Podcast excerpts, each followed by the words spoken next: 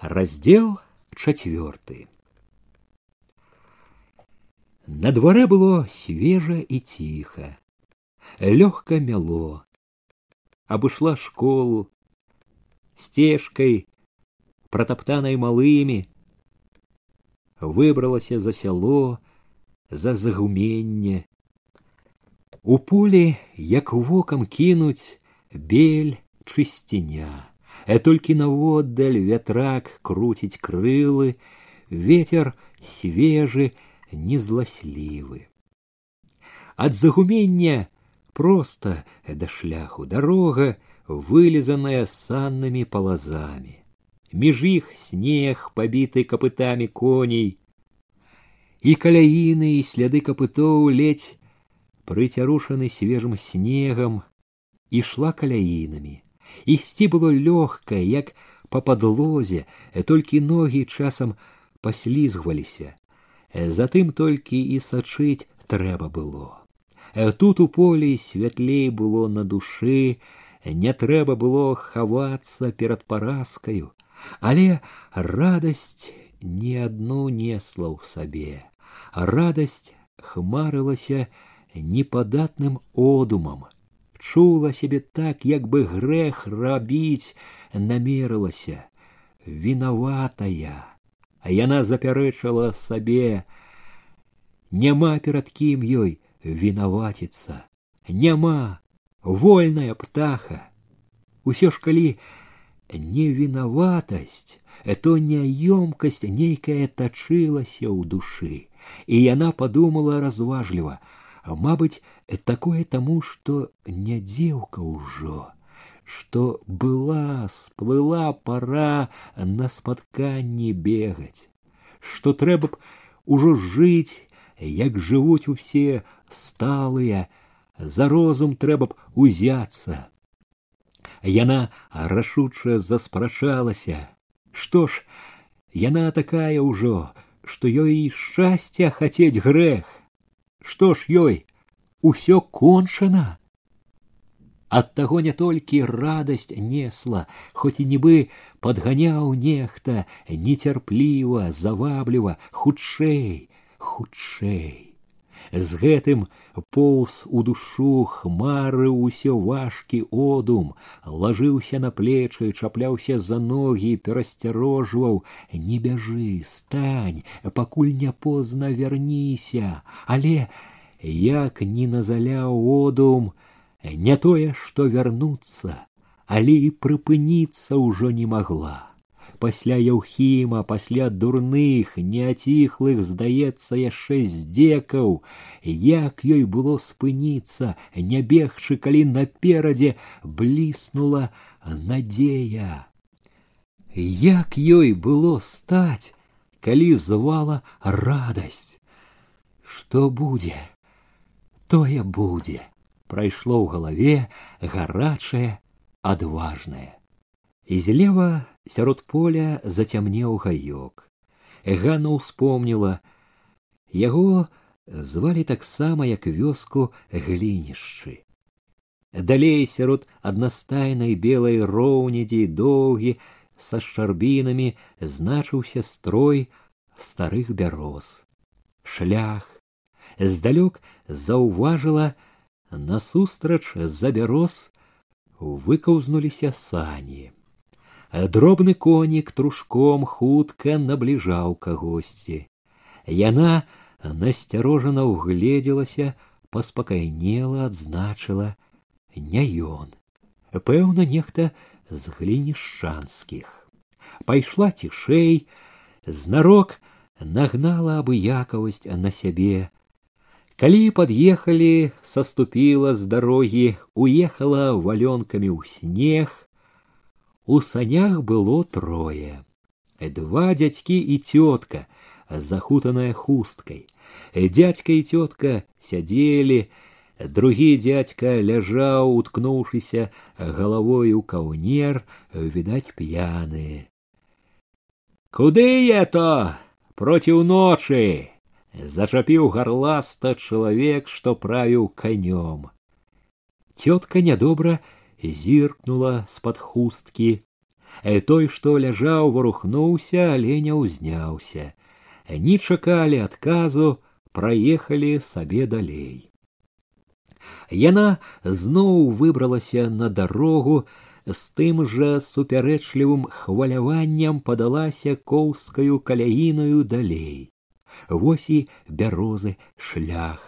За бярозы вызірнула востраў адзін, другі бакі нікога паглядзела яшчэ са шляху пуста кранула прыкрая маркота э, нібы ашукалася бегла бегла дурная а тут пуста паспрабавала супакоіць сябе рана яшчэ што рабіць не тырчаць жа тут на відавоку можа шляхам пайсці насустрач не яшчэ чаго не хапала за шляхам пачынаўся лес з гэтага боку пры бярозе цямнела кубка хмызняку вуні пратаптаная сцежачка ў хмызняк падалася ў заснежаны зараснік перабыць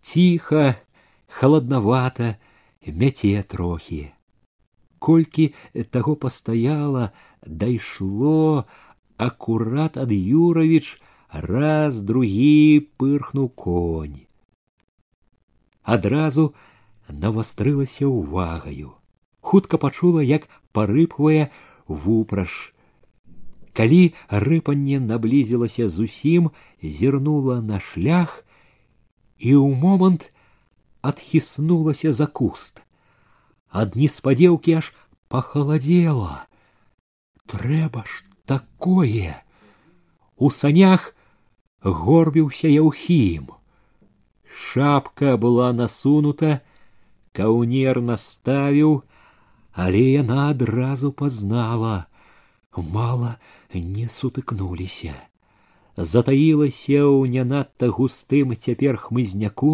чакала Пабачыў ці не пабачыў. Здалося як бы зірнуў у яе бок. Не паехаў далей. Ужо калі мінуў выглянула зноў. Яўхім ехаў па дарозе аддаляўся адчула палёгку. Небяспека адыходзіла. Ад перажытага ўтрапення не адразу дайшло што яўхім паехаў не па сваёй дарозе. На курані паварот быў далей, Ён жа збочыў тут, на гэты край глінішчаў, дзе школа. У школу наведацца рашыў.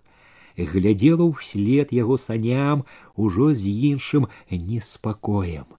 Заедзе, запытаецца, чаго добрага, кінецца сюды, не не кінецца супакоіла ўпэўнена сябе не вернецца паразка не скажа пашле не інакш у другі бок ледь паспакайнела пачула мерзнуць калені холод ішоў вышэй стаў лезці ў валёнкі яна пачала тупаць біць валёнкам аб валёнак пашкадавала, як павольна ідзе час, як марудна цямнее, цемра неяк асцярожна нясмела абступае, і цішыня, ад якой аж ломіць у вушах, а на дарозе ні гуку.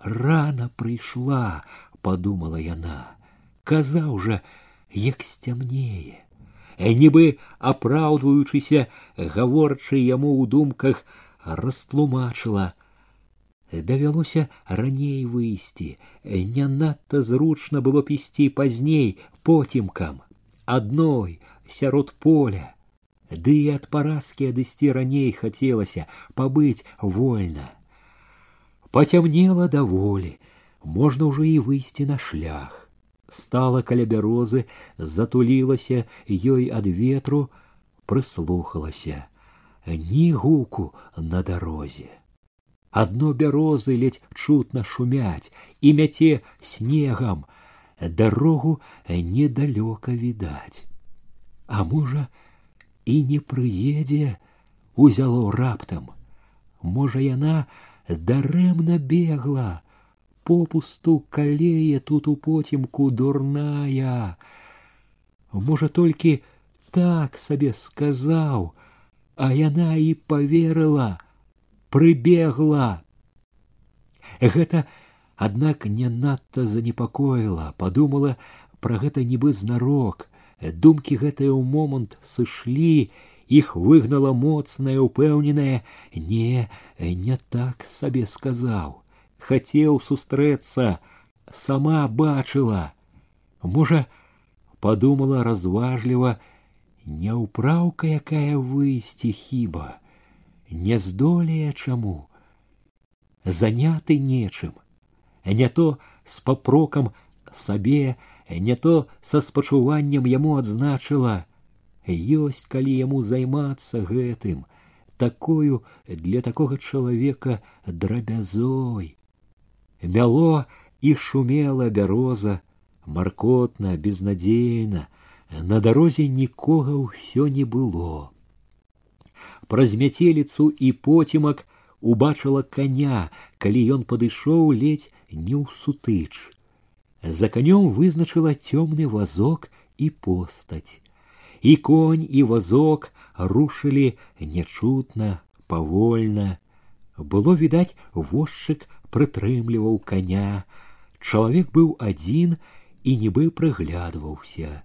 Зноў ускінулася хваляванне, білася моцна сэрца прытулілася да бярозы бліжэй вазок праехаў паволі потым вярнуўся стаў ён няхай пастаіць пачакае подумала раптам ганарліва ён пастаяў хвіліну пачаў заварочваць коня на дарогу да школы хоча насустрач ёй яна адарвалася ад бярозы ступіла на шлях з няёмкасцю і цяжка гукнула эй дядько ён павярнуў коня да яе пад'ехаў саступіўшы з вазка прывітаўся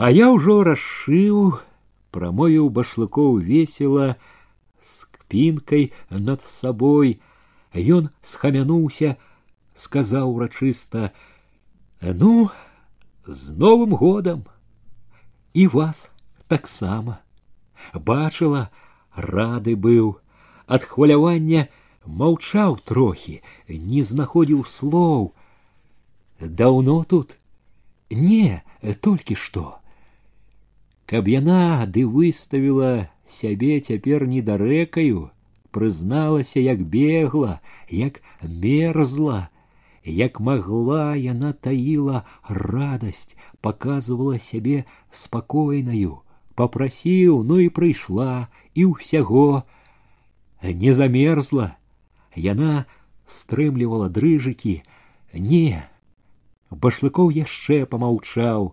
здагадалася думае аб нечым ён сказаў запрашаючы сядай сказаў не вельмі ўпэўнена не ведаў мусіць што рабіць яна села ў вазок под ёй былі кажух мяккае сена ён зайшоў на другі бок вазка сеў побач поедем сказаў ён весялей чым трэба было як бы падбадзёрваў не толькі яе а і сябе зноў са здзіўленнем адзначыла ўжо вядомае ёй ён з ёю не такі важны жалезны як на людзях далікатны на дзіва і нібы разгублены як бы бянтэжыцца і не хоча каб яна заўважыла як хлопец ёй гэта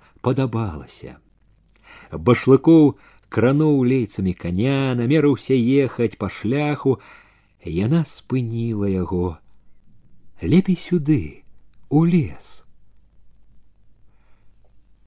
калі ён павярнуў коня больш каб не маўчаць каб выказаць яму ўдзячнасць што поўніла невядома чаму яе дадала ціха па-сяброўску. Дарога тут ціхая, тут і днём мала хто, а цяпер яе нястрымна апаноўвала хваляванне. Усё, што было да гэтага расстала, змыла гэтае хваляванне, хваляванне першай блізкасці з ім, звенела ў галаве, калацілася сэрца, мала не калаціла яе ўсю, шчасце ці прывід шчасця, што з таго завалодалі ёю, залілі ўсю яе. Калі б гэта зычыла і пагібель, Ганна, напэўна, кінулася б, не раздумваючы, не шкадуючы. Самае незвычайнае было ў тым, што яна чула, і ён так жа хвалюецца, што і ў яго тое ж самае, як і ў яе, і што хоць яны сядзяць толькі побач, яны нібы з'яднаны цішынёй гэтай, цемрай, лесам, ноччу, васком, у якім яны адны, і ад таго, што ён маўчыць, далікатна стрымліваецца, шануе яе. Гэта іх еднасць чулася яшчэ нібы вастрэй. Стань, давай пастаім, попросила яна, калі праехалі трохі. Прамовіла ціха, далікатна, быццам баялася парушыць нешта і быццам змоўніца. Чамусьці хацелася стаяць. Стаяць сярод ціхага, з ледзь чутным у гары пошумам лесу і маўчаць. Маўчаць, як гэтыя засяроджаныя, зацятыя дрэвы. Ты змерзла, заўважыў ён, што яна дрыжыць, не нічога. Уздыміся трохі. Ён дастаў кажух з-пад яе і сябе, накрыў ёй плечы, затуліў калені, заклапочана і пяшчотна, з насцярогай пільнавала. Абдымаць возьмецца, абшчэпіць. Э, чамусьці вельмі не хацелася цяпер гэтага здавалася гэта разбурыла б тое хорошае што поўніла ўсю і рада была што з пашанай абышоўся адзначыла толькі рука яго на момант затрымалася на яе каленях даўгавата затульваў калені ёй але адарваў руку я ненадоўга сказала яна. Сказала невядома чаму. Бо хто ёй не даваў быць тут доўга. Сама сабе нібы загадала, нібы баялася чагосьці, калі застанецца доўга. Я таксама прамовіў ён, дадаў тонам важнага клопату сход у загаллі.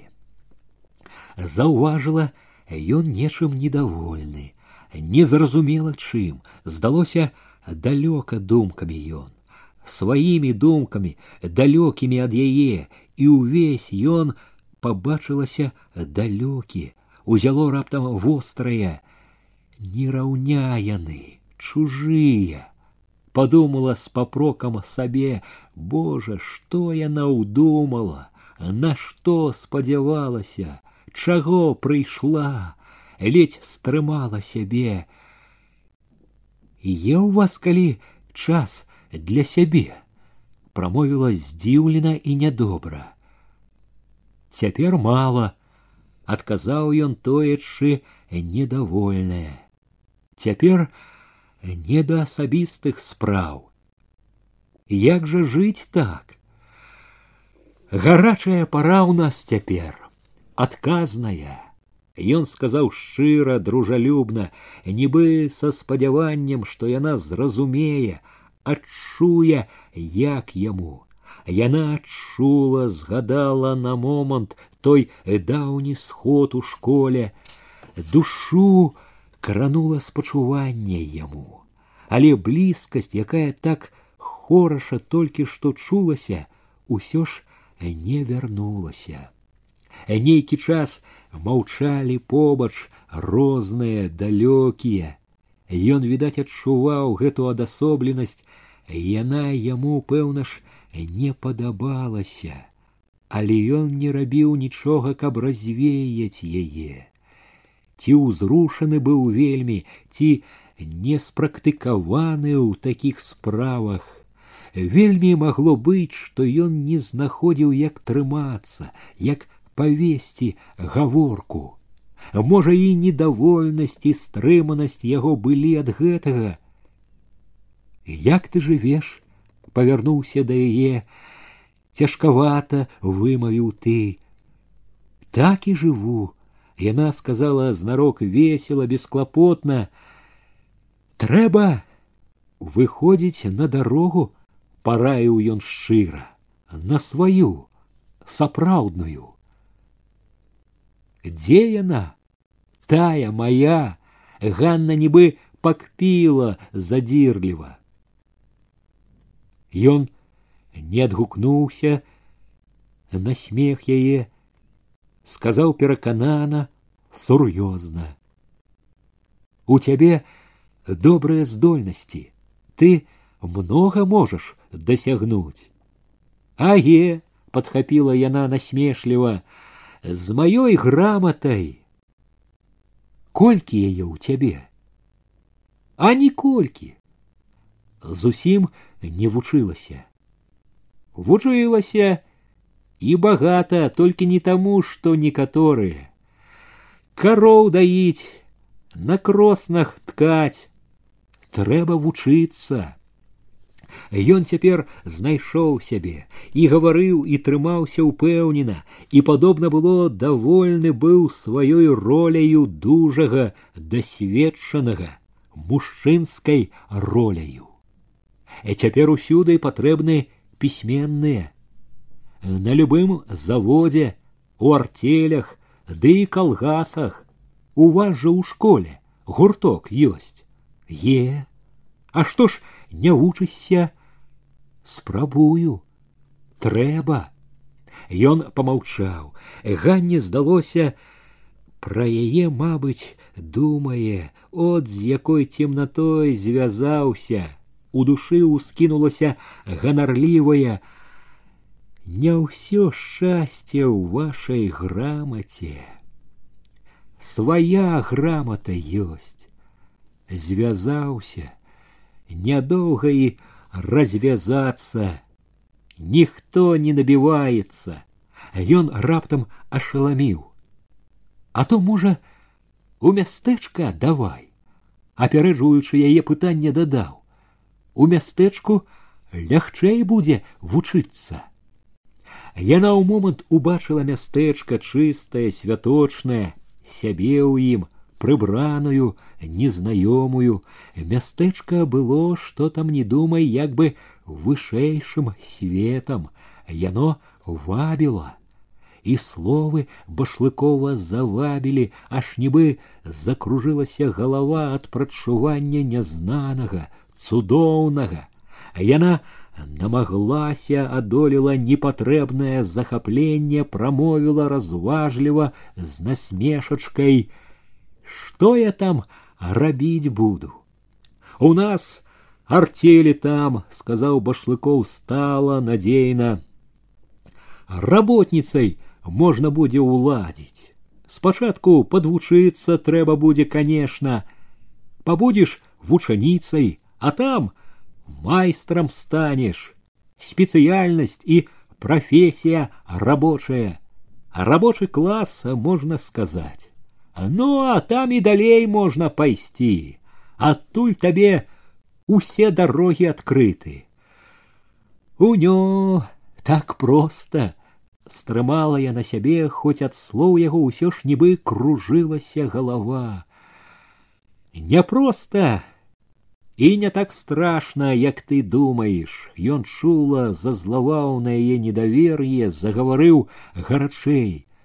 Я, ты думаешь, з чаго пачынаў з таго ж можна сказаць што і ты распісацца ледзь умеў але рашыў возьмуся адолею ўсё і ўзяўся гурткі, курсы, камсамол, работа і самаадукацыя і дабіўся. Дык то вы, знарок запярэчыла яна.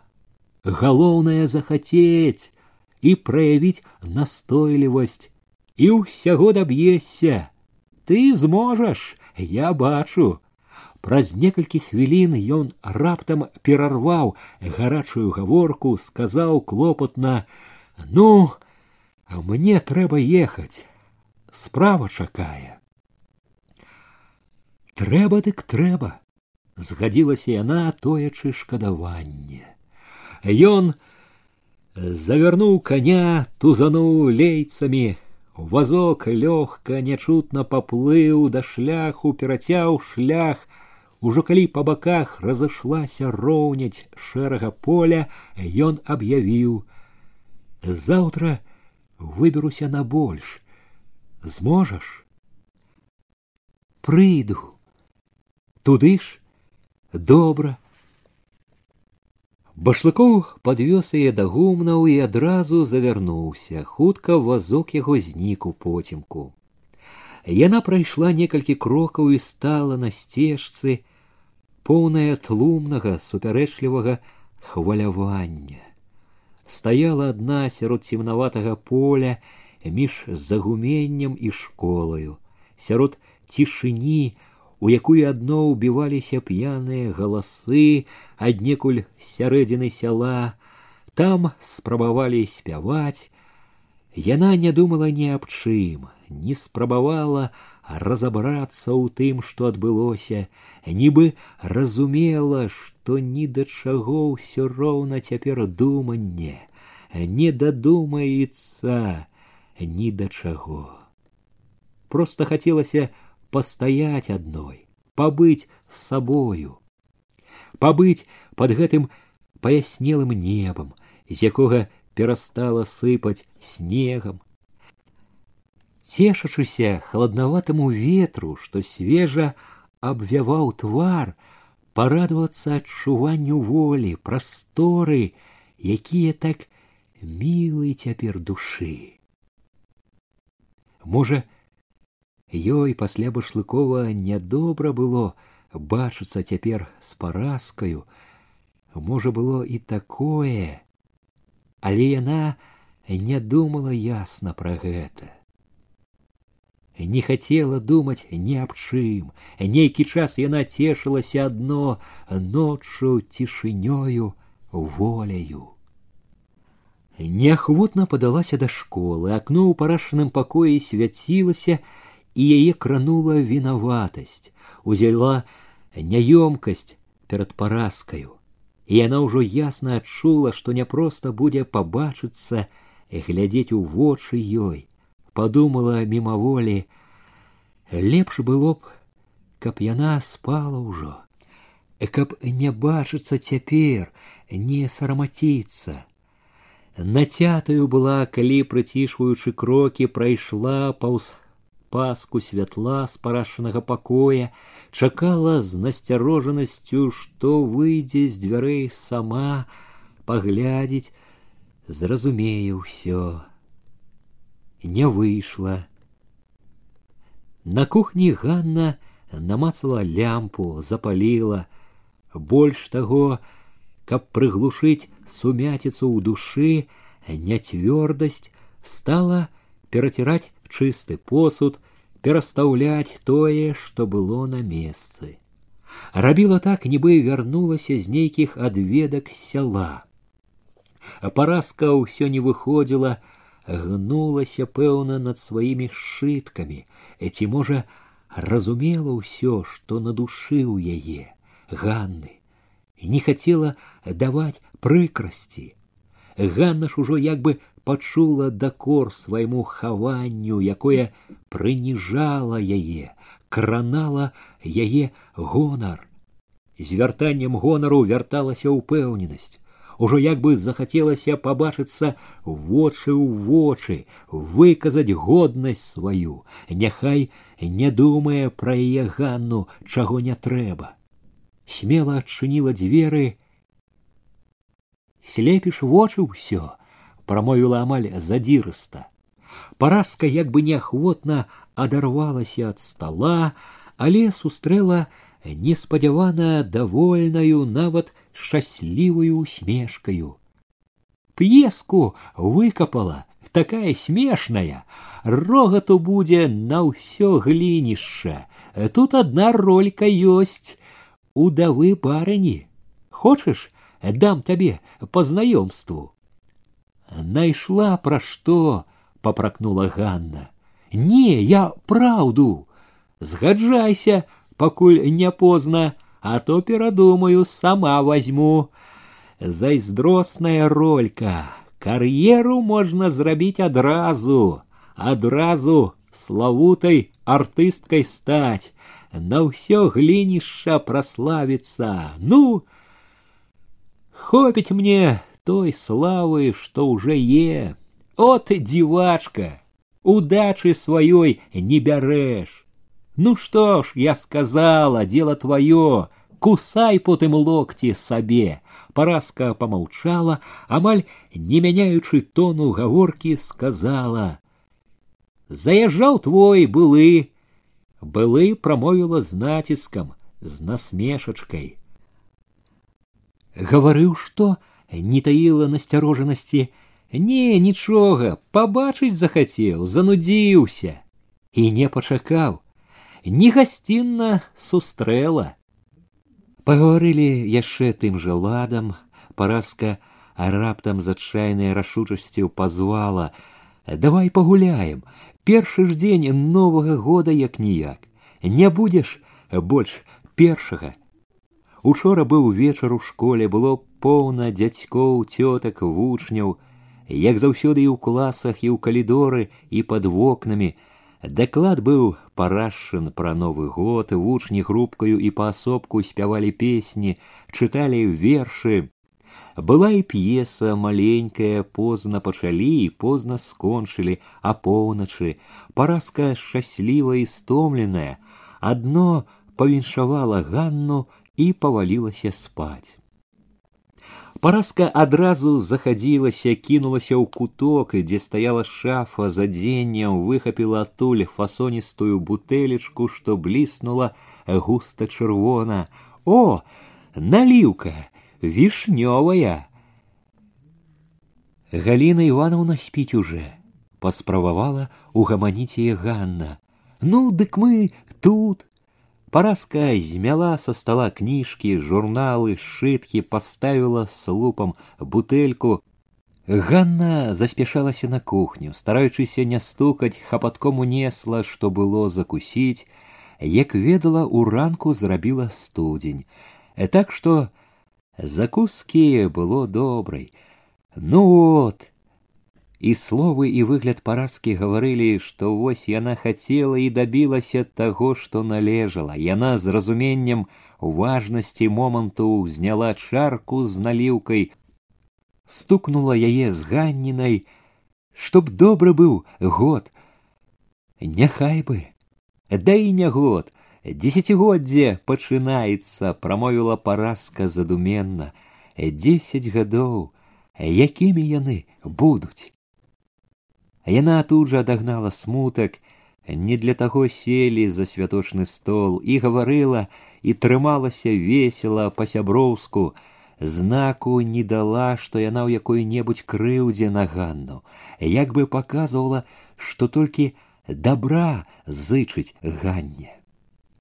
Ганна бачыла, што зычлівасць яе ад душы, што не тоіцца, і ёй станавілася ўсё лягчэй, вальней, Нарэшце разышліся так, што адна адну са смехам стрымлівалі, нагадвалі Галіна Івановна спіць. Спаць лажыліся вясёлыя, давольныя вечарам адна адной. У ложку у цемры Ганна чула, што нібы плыве. Узяла, хмеліла Ганну салодкая парашна наліўка праз хмель ганне бачыліся дарога сярод белага поля пусты шлях башлыкоў на васку пачула сябе на васку, побач з ім так жывая, нібы і праўда цяпер сядзела з ім. У памяці пайшла іх гаворка, загучалі, захвалявалі яго словы, трэба вучыцца, а можа ў мястэчка давай, там лягчэй будзе вучыцца, у нас артелі там, адтуль табе ўсе дарогі адкрыты. Я сам з таго пачынаў распісацца не ўмеў. Галоўнае праявіць настойлівасць і ўсяго даб'ешся. Ты зможаш, я бачу. Слухаючы гэта поўнілася непаслухмяным, а радасным хваляваннем. Бачыла сябе незнаёмую, чыста апранутую, годную у мястэчку, у юравічах. Не адна была там, з ім, нібы была ўжо гарадская зусім, такая грамотная, як паразка. У трызненні гэта амаль неадчэпна прадзіралася цвярозае, недаверлівае. Паддаючыся яму аберагала сябе, наганяла ў думанне одум. Настроила сабе Бог ведае што, так это ўсё проста. І ўсё ж бачыла мястэчка і сябе ў ім і башлыкова, і галава кружылася ад незвычайнага, што мроілася ўжо як рэальнае. Новы год прайшло ў думках як поўнае важнага значэння, новае пачынаецца. Пачалося. Чула, што як бы разарвалася ці вось вось разарвецца ўсё, што аблытала, абціскала яе.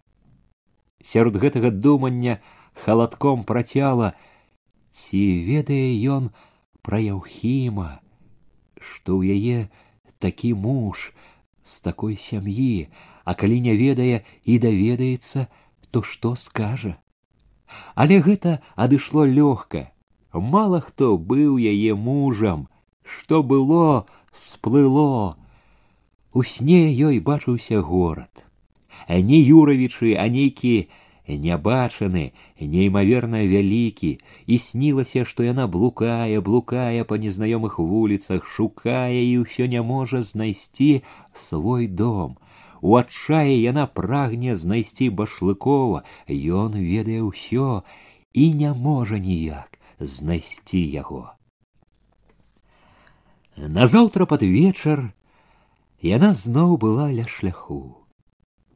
Першым поцемкам убачыла вазок, башлыкоў здалёк выглядзеў яе, борзда пад'ехаў, калі зноў збочылі ў лес, башлыкоў спытаў раптам: « Ты была ў нароўлі?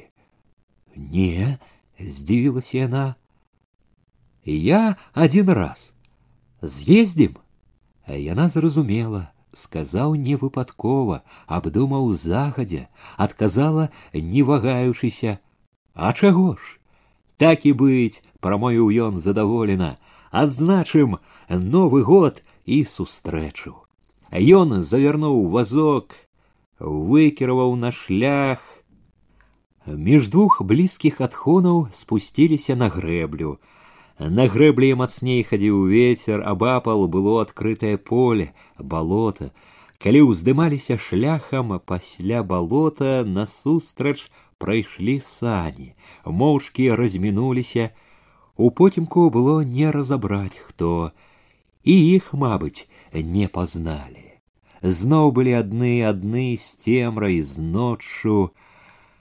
Утаміўся я, сказаў башлыкоў шчыра усе гэтыя ночы сходы і без поспеху можна сказаць не паддаюцца мужики руками і нагамі за лапік свой трымаюцца як у тваіх глінішчах Ён нагадаў пра глінішчы без злосці пакпіў нібы смехам ёй спадабаліся яго шчырасць і давер'е яго якое за шчырасцю адчувалася кранула яе што ён так проста прызнаўся, нібы попрасіў падтрымкі ў яе.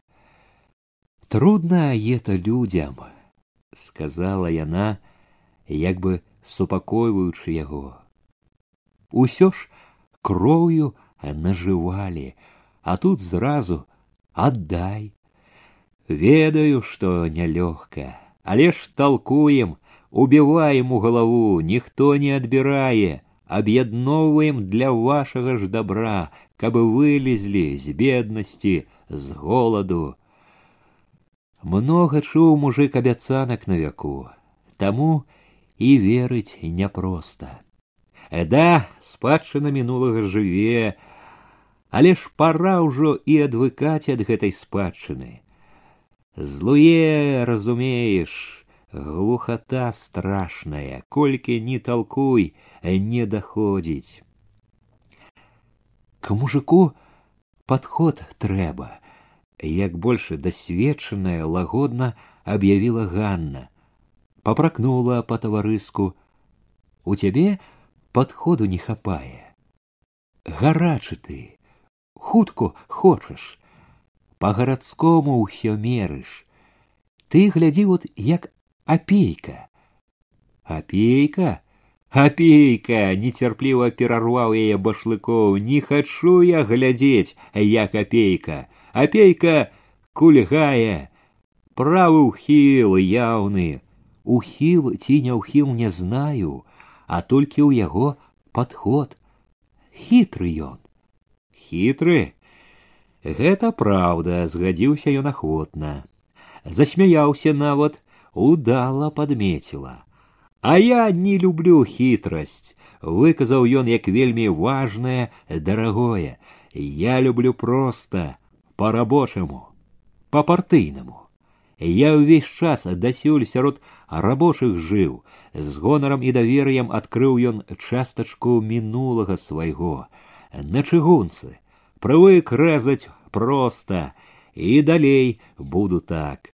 ёй не хацелася спрачацца з ім але была нязгода з тым што ён казаў у жыцці не заўсёды разумна гэта рэзаць памкнулася памагчы подказала яму знаеш э часам абышоўшы хутчэй дойдзеш як на прасткі гэта на балоце сказаў ён рэзка амаль з насмешкай у палітыцы трэба ісці толькі прама яна прамаўчала яму прытаюшы крыўду падумала усё ж яны розныя вельмі і ганарлівы занадта ён не ўмее слухаць ехалі зноў моўчкі і нібы адасобленыя башлыкоў мабыць каб разагнаць гэтую нядобрую маўчанку чужаватасць пакпіў сябе не прыжывуся я ўсё ніяк да вашай зямлі і да вашых парадкаў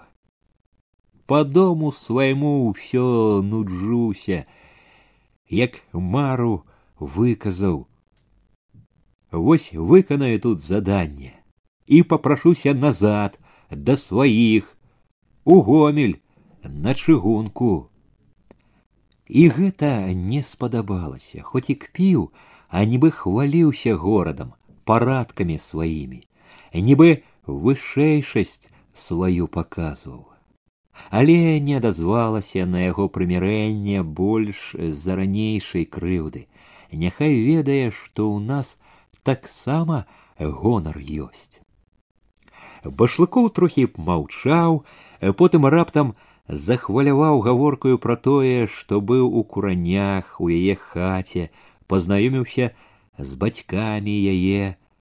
Маці ў цябе з характарам. З характарам згадзілася яна. Усё што было да гэтага ў момант выветрылася з душы. З раптоўным халадком у грудях чакала што скажа зараз пра яўхіма. Чакала быццам удару доўгім назольным здалося гэта чаканне пакуль чакала зазлавала на сябе на башлыкова што пачаў гэта пацвярдзела душой гатова была ўжо як мае быць сустрэць удар калі башлыкоў уразіў нечаканым ты чаму адна растлумачыў не замужам а яна прыслухалася старалася зразумець шчыра ён гэта сапраўды не ведае ці ад яе пачуць хоча Па тону пытання цяжка было зразумець, чула толькі, што пытанне гэта важнае яму, і што, можа, думаў пра гэта. Нялёгка адужала хваляванне, выціснула, нібы жартуючы, не бярэ ніхто. Не падобна, цвёрда сур'ёзна прамовіў ён. Не падтрымаў жарту. Яна спахмурнела, адказала нелагодна, паспытала, больш не хачу. А што? Разышліся. Божа мой, няўжо ён праўда нічога не ведае, не ведае, пэўна ж, што яму сказаць. Разышліся, зазлавала. Няма яго, лічы, памёр. Памёр? Не хачу я пра яго адрэзала. Ехалі зноў моўчкі кожны па сабе, Тады ён загаварыў, стаў лагодна раздумліва расказваць пра сябе, можа таму, што вінаватым чуў за тое, што зрабіў прыкрасць ёй, а можа ад таго, што згадка пра яе бацькоў напомніла яму пра сваё. Аказалася і яму паспытаць давялося, не ў харомах рос, у цёмным бараку, без бацькавічам, Бацька кінуў сям'ю, маці цёмная, зарабляла грашы, хоць рабіла свету не бачачы. Пасля работы на складзе, там прыбіральшыцай была, вечарамі вольнымі днямі мыла бялізну багацеем. У пакоі іх тады не было як дыхаць ад пары, сцінала грудзі, кашалі душыў, а жылі так, што хлеб не заўсёды быў на стале. Ён старэйшы, ледзь хадзіць навучыўся, давялося памагаць маці зарабляць, пачалося з бялізны, якую маці мыла разносіў па дамах, а тады аддалі вучыцца ў майстэрню на цісляра. Багата перапробаваў ён работ, пакуль знайшоў сваё месца, але і цяпер няпроста ў яго дома сестра Нинка, няшчасная, калека. Брат здоровы, пешаны, разбэсціўся зусім, з нэпманаўскай дачкою надумаў ажаніцца. Робіць яго башлыкова нэпманаўскім сваяком. Апошнія словы пра нэпманаўскага сваяка Ганну кальнула але яна адагнала думкі пра гэта шчырая гаворка башлыкова ўзрушыла яе акрамя таго што ёй неабыякавым было ўсё што яму давялося паспытаць шчырасць яго кранула ганні на сэрца тым што ён не тоячыся шануючы як бы ўвёў яе ў сваю сям'ю у сваё жыццё яе ўсхвалявала што жыццём сваім ён падобны на яе можна сказаць блізкі ёй з удзячнасцю яму за шчырасць яна пачула блізкасць сваю яму ад звычкі за добро плаціць добром яна хоць і стрымана коротко расказала яму пра сваіх бацьку мачыху хведьку а расказала таксама шчыра праўдзіва ні словамі аднак не згадала яўхіма і васіля. Да тайны гэта яна не захацела дапусціць яго. Тайна гэта здалося лягла між іх як нейкая вельмі чутная мяжа. Ён ці не пачуў гэту тайну ці не надаў ёй значэння абняў ганну за плечы прытуліў да сябе яна не здзівілася не спрабавала вызваліцца не дзеўка ведала што гэта будзе раней ці пазней будзе тоячы сваю тайну чутную ёй цяпер маўчала паслухмяная ў яго абдымку каб не тайна гэта ёй было б зусім хораша але тайна была, жыла ў ёй. Мімаволі прайшло ў думках, Няўжо ён так і не ведае нічога пра Яўхіма, для іх для партыйцаў гэта здаецца важна ж ці ведае і не зважае смелы такі любіць так праўдзіва і смела яна аднак не наважвалася высвятляць баялася рызыкаваць тым што ёсць. Адагнала думанне неспакой моўчкі цешылася яго ласкай цішынёй бегам васка шараватай у потімку дарогай. І толькі калі пачула яго далоні пад кажухом на грудях адвяла руку башлыкова.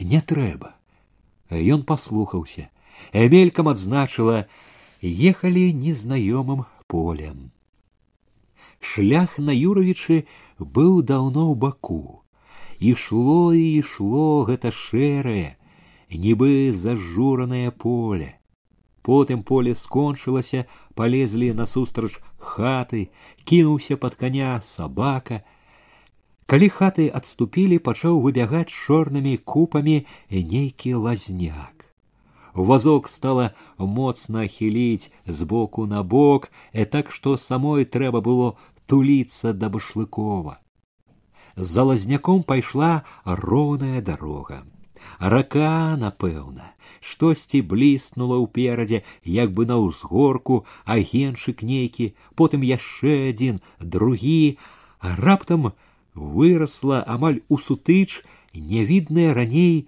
града бераг нейкім ярам сталі ўздымацца на яе уехалі ў вуліцу чым далей больш свяцілася агнёў башлыкоў адхінуўся сядзеў ужо роўна трымаў аберуч лейцы ля нейкага чалавека башлыкоў прыпыніў каня запытаў дзе тут сталовая Дядька расказаў, як праехаць да яе, башлыкоў падзякаваў, рушыў далей. На плошчы яшчэ спыніў чалавека, запытаў, нарэшце прытрымаў каня каля нейкіх светлых вокан, загадаў ёй пачакаць, саскочыў на зямлю, вярнуўся давольны тут прыехалі У великаватым пакоі дзе стаяла поўна сталоў было амаль пуста.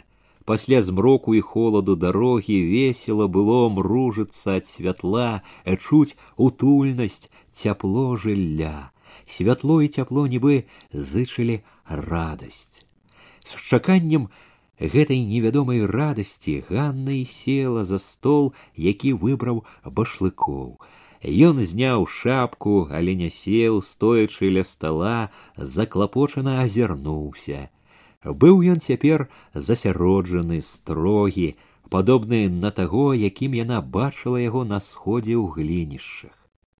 Паявілася аднекуле штосьці дажоўваючы, таўставатая цётка з фартушком кінула нядобра позіркам на башлыкова на дзверы крыкнула недовольна хто адчыніў дзверы рушыла проста да іх нягледзячы адрэзала усё зачынено яна аб'явіла так што пярэчыць было лішне башлыкоў не варухнуўся у твары яго з'явілася нешта цвёрдае ён відаць стрымаў сябе прамовіў спакойна мы з дарогі нам перакусіць і цётка ікнула жалезна паўтарыла сказано зачынено твар башлыкова яшчэ пацвярдзеў дзе загадчык? А што загадчык?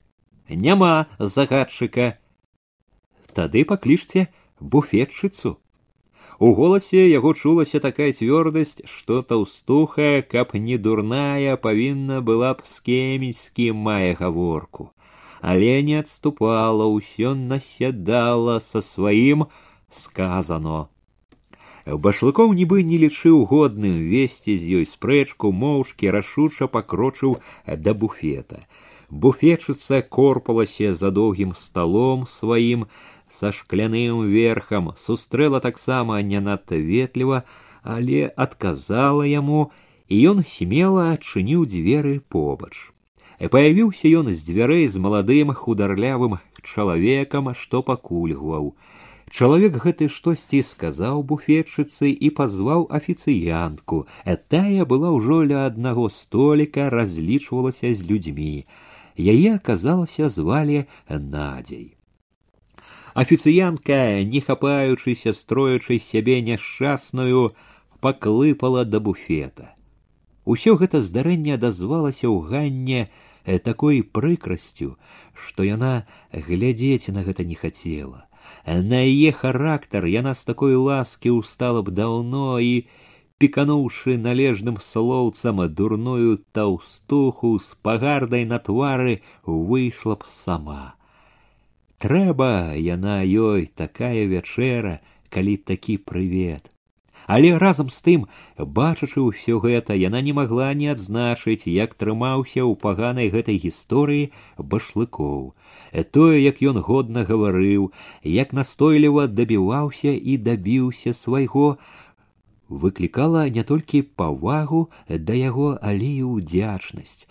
Так клапаціўся можна сказаць пра яе з гэтым жылі і прытоенае захапленне гонар з такім можна не баяцца нічога такі не дасць у крыўду ён прынёс ад буфета цёмную бутэльку дзве шклянкі бутэльку паставіў між іх одну шклянку перад ганнай спрэчка было відаць запаліла яго твар быў неспакойны яшчэ але было ў ім ужо задавальненне тым што ўсё ж дабіўся свайго ёсць толькі котлеты буркнула таўстуха стаўляючы сподак з тоўстымі скрыдлікамі хлеба давайте котлеты башлыкоў не глянуў на яе помсціўся за абразу узяў бутэльку адкаркаваную ўжо корак тырчаў толькі для прыліку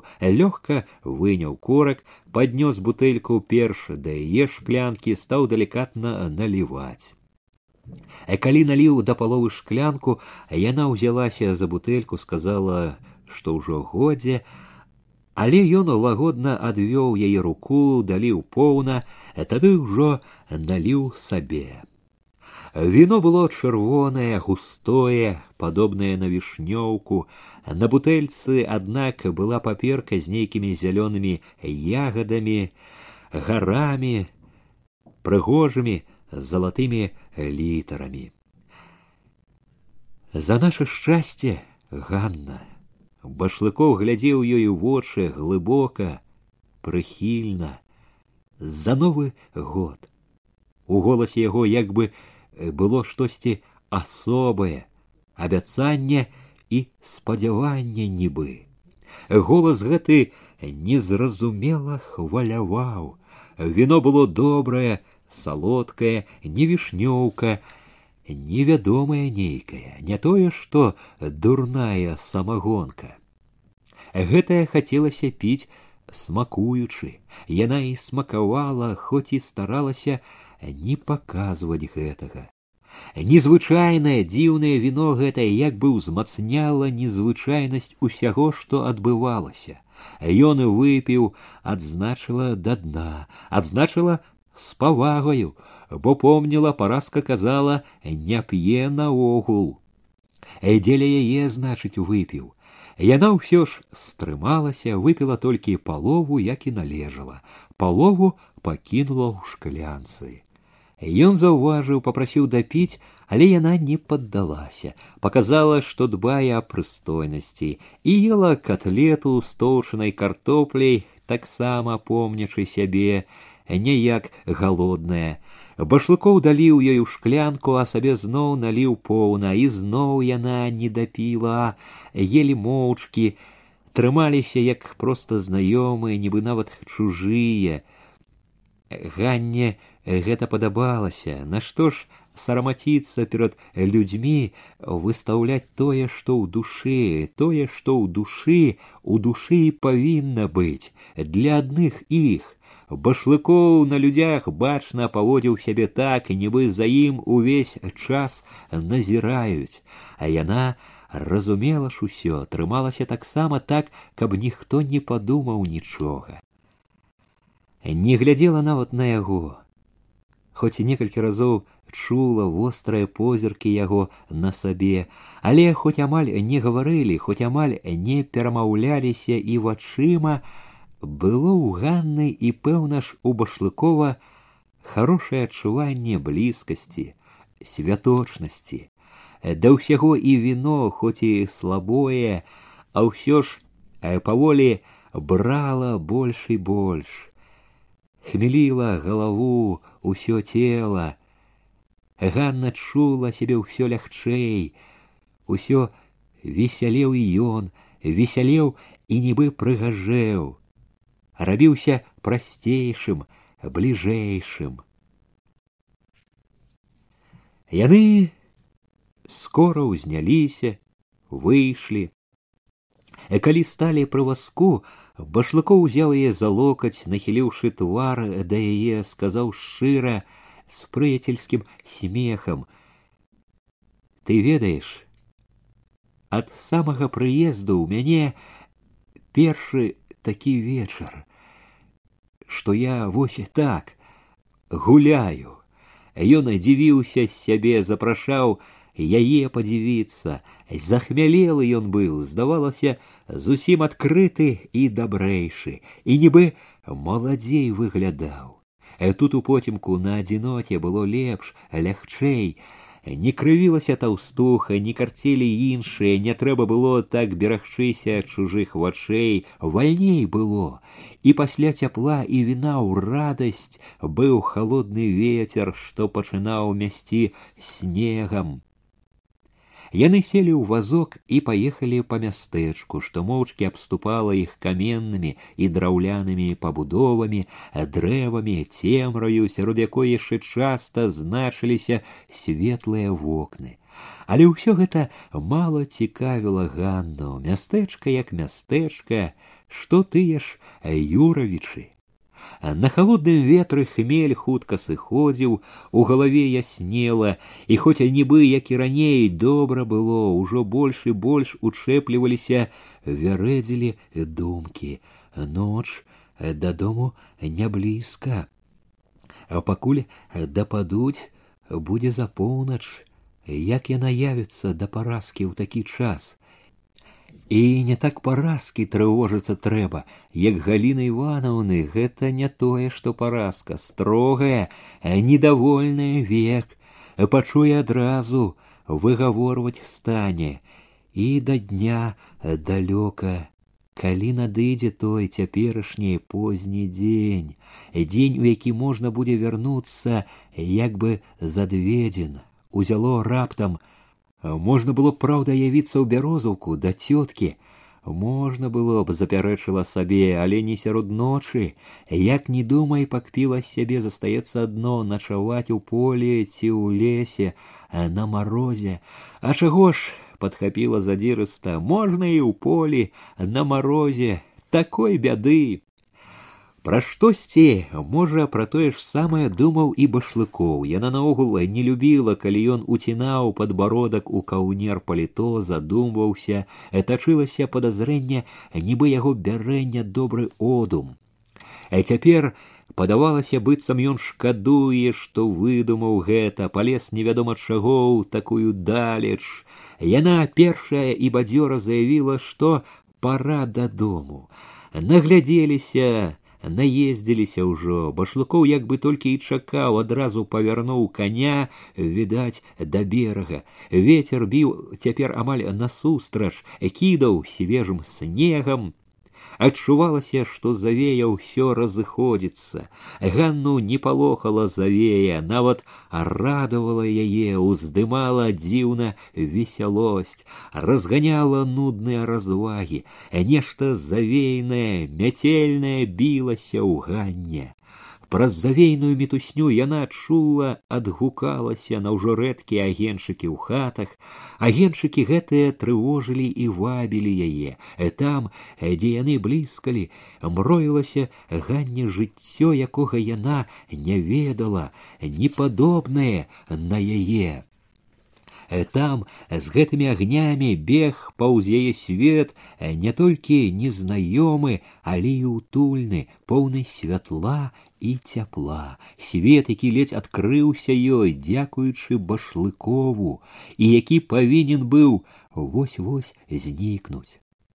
Што іх чакае там, у поле, сярод мяцеліцы, што разгульваецца, на самым выездзе з вуліцы, дзе блізка зашарэла шырокая рухомая роўняць, бліснуў яшчэ агеншык, як апошні кліч, і яна раптам з тым імкненнем, якое ўскідвалася ў ёй у момант, скапіла башлыкова за руку за лейцы. Давайте заедем. Ён стрымаў коня азірнуўся на акно нейкі час глядзеў туды адарваў позірк думаў вагаўся дадому позно выказала нецярпліва яна дый мяцеліца Ён без асаблівай ахвоты пад'ехаў бліжэй, сышоў з васка, пастукаў у акно, на якім ад святла сярэдзіны паблісквалі марозныя ўзоры. Э, там за марознай мярэжай паявіўся цень прытуліўшыся да яго башлыкоў попрасіў выйдзеце на хвілінку ценя нейкі час яшчэ чарнеў на шыбе потым прапаў у доме чулася нейкая гаворка нарэшце стукнулі дзверы недзе потым рыпнулі веснічкі пры варотах у іх акрэслілася цьмяная постаць а можна было вызначыць мужчына ў кажуху хто тут у голасе дядькі чуліся цікаўнасць і неспакой, але ён прыхоўваў іх, гаварыў спакойна, амаль абыякова. Мяцеліца разгульваецца, сказаў башлыкоў, здалося яшчэ з нерашучасцю, ці не можна спыніцца ў вас, пакуль прыціхне. Так Ганна прыкмячала башлыкоў адчуваў сябе няёмка але можна было падумаць няёмкасць гэта была да таго што трэба прасіць даваць людзям клопат бачачы што дзядзька гаспадар прыглядаецца да іх ахвотна памагла башлыкову у хвойнікі едзем з міхалак у гасцях былі дак от позна выбраліся Яна лёгка выдумляла, было весела ад таго, што яна вось лаўчэй за башлыкова ўмее распарадзіцца ў бядзе, як бы разумней за яго. Дядька прыгледзеўся і адчыніў вароты. Заехалі, распраглі коня, паставілі ў хляве, далі з васка сена, а разам з дзядзькам падаліся да ганка. Башлыкоў доўга абтрэсаў, абіваў снег на ганку ў сенцах, Усе, хто быў у хаце адразу з цікаўнасцю навастрыліся на іх. Былі тут немаладая вясковага выгляду жанчына, што нешта латала, чарнявая, падобная на маці дзяўчынка гадоў дванаццаці за сталом з кніжкай. Адзін хлопец, трохі меншы за дзяўчынку, стрыжаны бялявы сядзеў на палку пры печы. Двое ці трое зырылі з печы. Ганна і башлыкоў весела прывіталіся. Папрасілі ў гаспадара вашага дазволу перабыць ноч, мяцеліца разгулялася, сказаў башлыкоў да гаспадыні, стараючыся трымацца проста. А чаго ж пабудзьце, адказала прыхільна жанчына. Тут і заблудзіцца нядоўга. На рацэ і ўдзень бывае з дарогі збіваешся калі ў мяцеліцу бярэся з таго боку. Башлыкоў бачыла Ганна быў насцярожаны. Перахапіла, як ён востра зірнуў на гаспадара, нібы правяраў, ці незнаёмы той, ці не пазнаў, хто да яго ў госці. Хоць стараўся трымацца ўпэўнена, Ганна адзначыла, што ён стоена нацяты. Неспакойнаю была і яна нават пашкадавала раптам, што падбіла башлыкова завярнуць сюды. У той момант здалася не так ужо і страшнаю ноч у полі. Але змяняць позна было. Заехалі дык заехалі, трэба прынараўлівацца да таго, што ёсць. павяла бяседу, якую належала весці ў чужой хаце, каб паказаць сябе як гасцей найлепшым чынам, як бы дзякавала за прытулак, паскардзілася на вуліцы мяце, страх, холад бярэ, конь змарыўся. Упікнула сябе за неразумнасць, позна выбраліся, не паслухаліся добрых людзей, раілі ж пачакаць да раніцы. Праўда, разважыла зодумам, хто ж тады знаў, што будзе так. Ціхо ж са ўсім было. За гэтым узялася распытваць пра сям'ю. Перш пра дзяўчынку, што хілілася над сталом, як завуць, як вучыцца, пахваліла, відно адразу, што старатлівая. Пацікавілася пра хлопца на прыпеку, пра тых, што зіркалі з печы. Башлыкоў гаварыў мала. Ганна проста падзівілася, да чаго ён няспрытны быў тут. Праўда, гаспадар трапіўся таксама не надта гаваркі, але ж няўжо не можна было яму такому адукаванаму разгаварыць дзядзьку. Маўчалі абодва, дымілі адно папяросамі, а падобна было, башлыкоў усё не мог прызвычаецца да таго, што заехаў сюды, папракае пэўна сябе, яе зазлавала раптам на яго, ну і хай сам вінаваты ва ўсім, сам выдумаў ехаць на ноч гледзячы, а мерзнуць у полі яна не будзе, вялікая хвота калець у полі такую ноч. Тут гаспадыня ў гаворцы нібы знарок назвала ёй башлыкова ваш чалавек Ганна ад неспадзеўкі ледзь не выказала праўду, але ў час спахвацілася, паказалася абыякавасцю, як бы даўно прывыкла да гэтага яе чалавек. Пазней ужо не вытрывала, хітравата абліснула на башлыкова, затаіўшы смех, значыцца ўжо чалавек і жонка, як ён да гэтага неспадзяваны чалавек.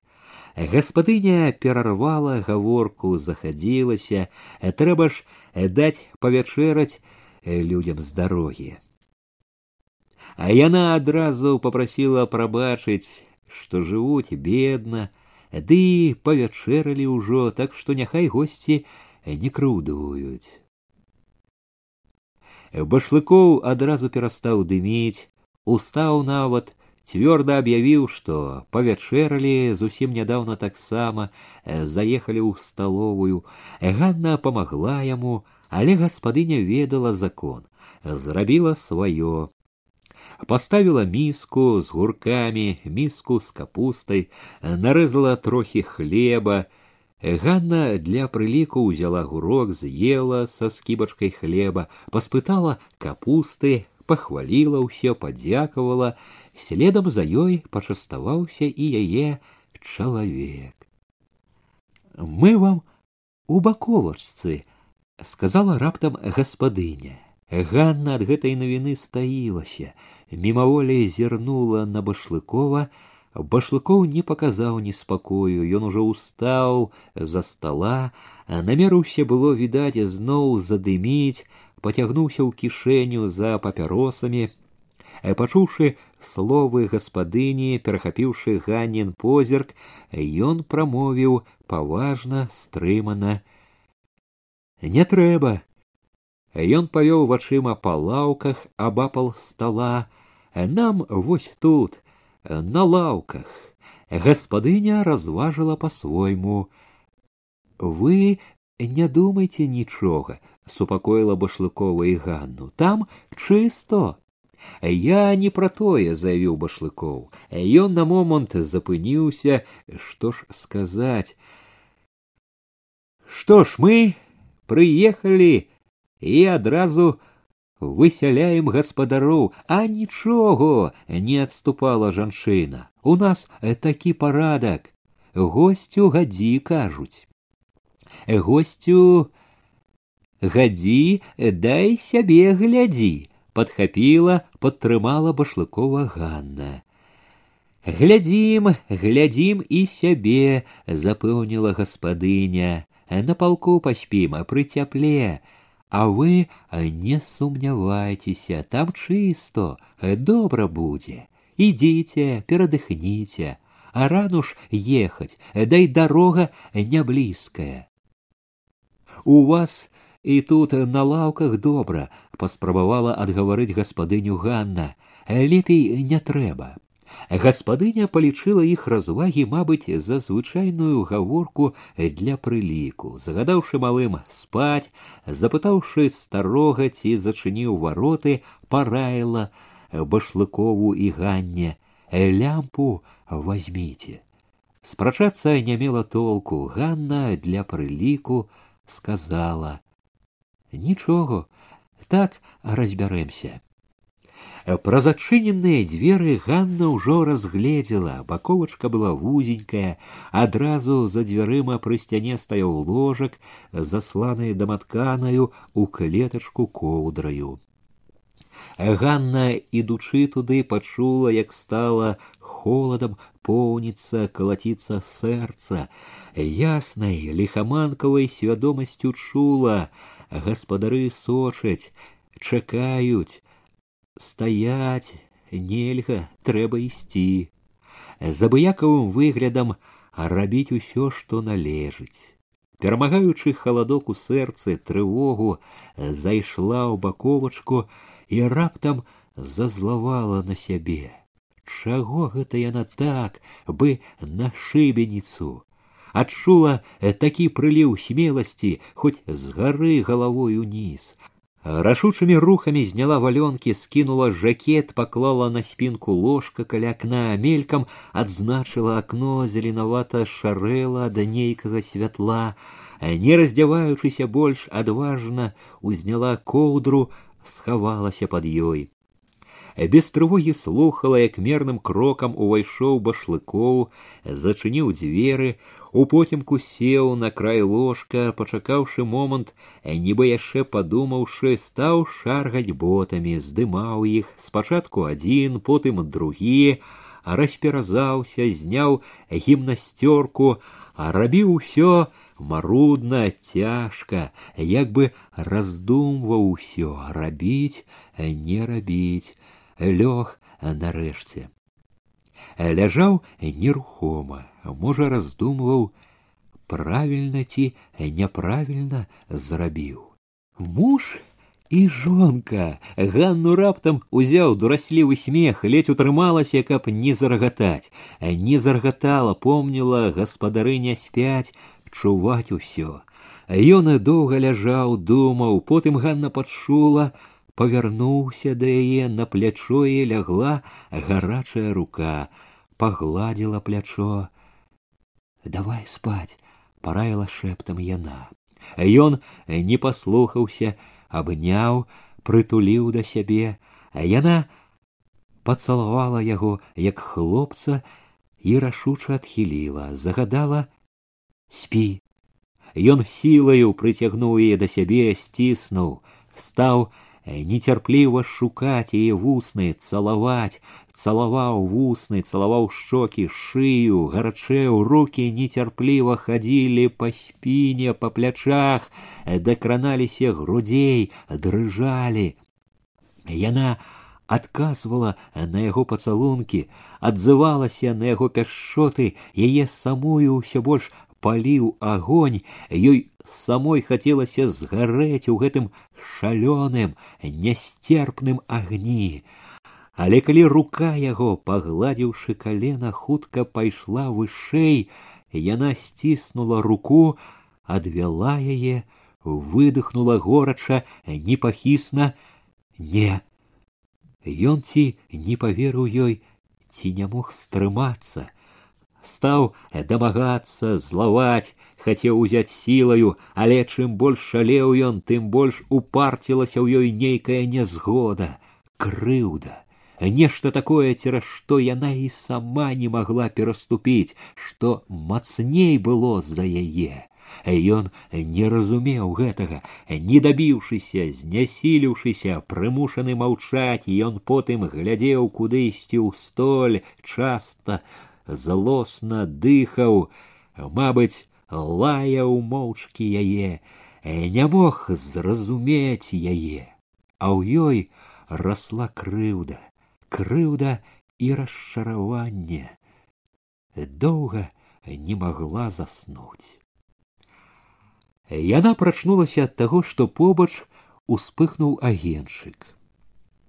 Ад сну э, першы момант э, не магла ўцяміць, хто побач, дзе яна, э, кальнуў неспакой, Яўхім, тады ўжо стала ўспамінаць учарашняе. Башлыкоў свяціў запалкаю на гадзіннік.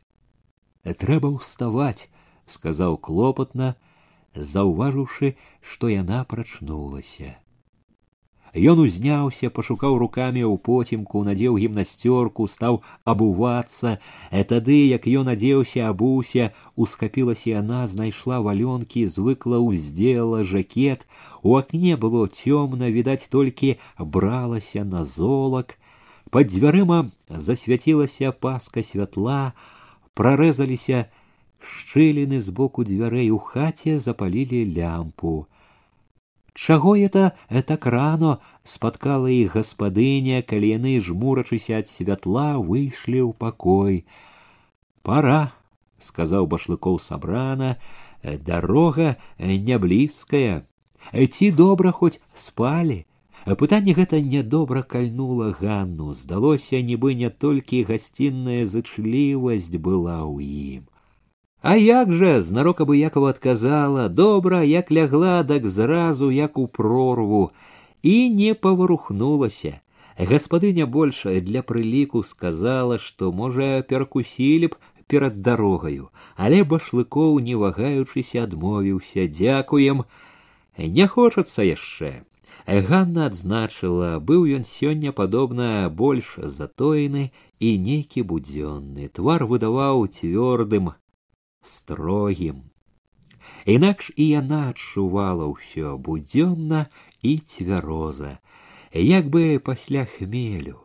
З гэтым настроем абое моўчкі адзяваліся каля парога, завязаўшы хустку яна падзякавала гаспадыні гаспадару што от далі прытулак выратавалі можна сказаць выйшла нібы заклапочаная на двор башлыкова адзеты зусім не пайшоў услед затрымаўся сказаць свае словы ці можа подумала а раптам заплаціць на дварэ было вельмі холодна рана яшчэ і не днела згадала востры развітальны позірк гаспадыні няёмкасць гаспадара нешта прыкмецілі мабыць здагадаліся ці што якія чалавекі жонка не дай бог яшчэ за начаванне плаціць захоча зусім здзівіць насцярожыць лягчэй стала калі выехалі з варот засталіся адны Пацверазелым позіркам у паяснелай без завеі шэрані бачыла, як сыходзілі яшчэ хаты трохі ў баку, якіх учора нібы не было відаць. Спусціўшыся па схіле апынуліся на цёмнай аднастайнай роўнядзі, былі цяпер навокал толькі снег, ночы, шырокая цішыня, і яны адны сярод снегу цішыні. Снег свежа, чыста пах, а ў душы свежасці, чысціні не было і лёгкасці, радасці не было. Дарога была там і тут, замецена гурбамі снегу, і конь груз ішоў паволі, яго ніхто і не паганяў, спяшацца не было чаго, часу было даволі. Ужо добра ўехалі другім бергам, калі развіднілася, прасторна расхінулася белая шырыня. Амаль увесь час башлыкоў маўчаў, думаў і жыў нейкімі сваімі сур'ёзнымі клопатамі. І калі завіднелася наводдаль бярозаўка, Ганна попросила стать. Сказала, пойдзе далей пешки. Подвязу яшчэ, прамовіў ён. Не трэба. Ён спыніў коня, а яна не адразу сышла, сядзела момант, унурыўшыся ў каўнер, думала яшчэ, потым ускінула галаву, зірнула адважна ў вочы яго, асмелілася на тое, што гняло і што баялася адкрыць. Што будзе, тое будзе. Няхай ведае, ты чаго здзівіўся ён. От думаю, виновата я перад табой. Виновата? Виновата. Вельмі не сказала табе, што трэба. Што? Хто быў мой муж? Хто ён? Яўхім, глушак Яўхім, скуранёў. Яўхім, глушак, Яна бачыла твар башлыкова раптам вачавіткі пашарэў, твар гэтай працяла трывога, але разам башлыкоў глядзеў так, як бы не верыў, як бы чакаў, што яна зараз скажа, пажартавала. Вы развяліся? пытаў так, нібы шукаў прасветліну, бязлітасная да сябе адказала: развяла нас доля. А яна саскочыла з воска, намерылася ісці, але стала, павярнулася да яго момант, глядзела на яго, як бы чакала чагосьці, тады штосьці ўскінулася ў ёй, хутка парыўна ступіла да яго, сціснула, пацалавала, аддала пацалунку, здалося ўсю сябе.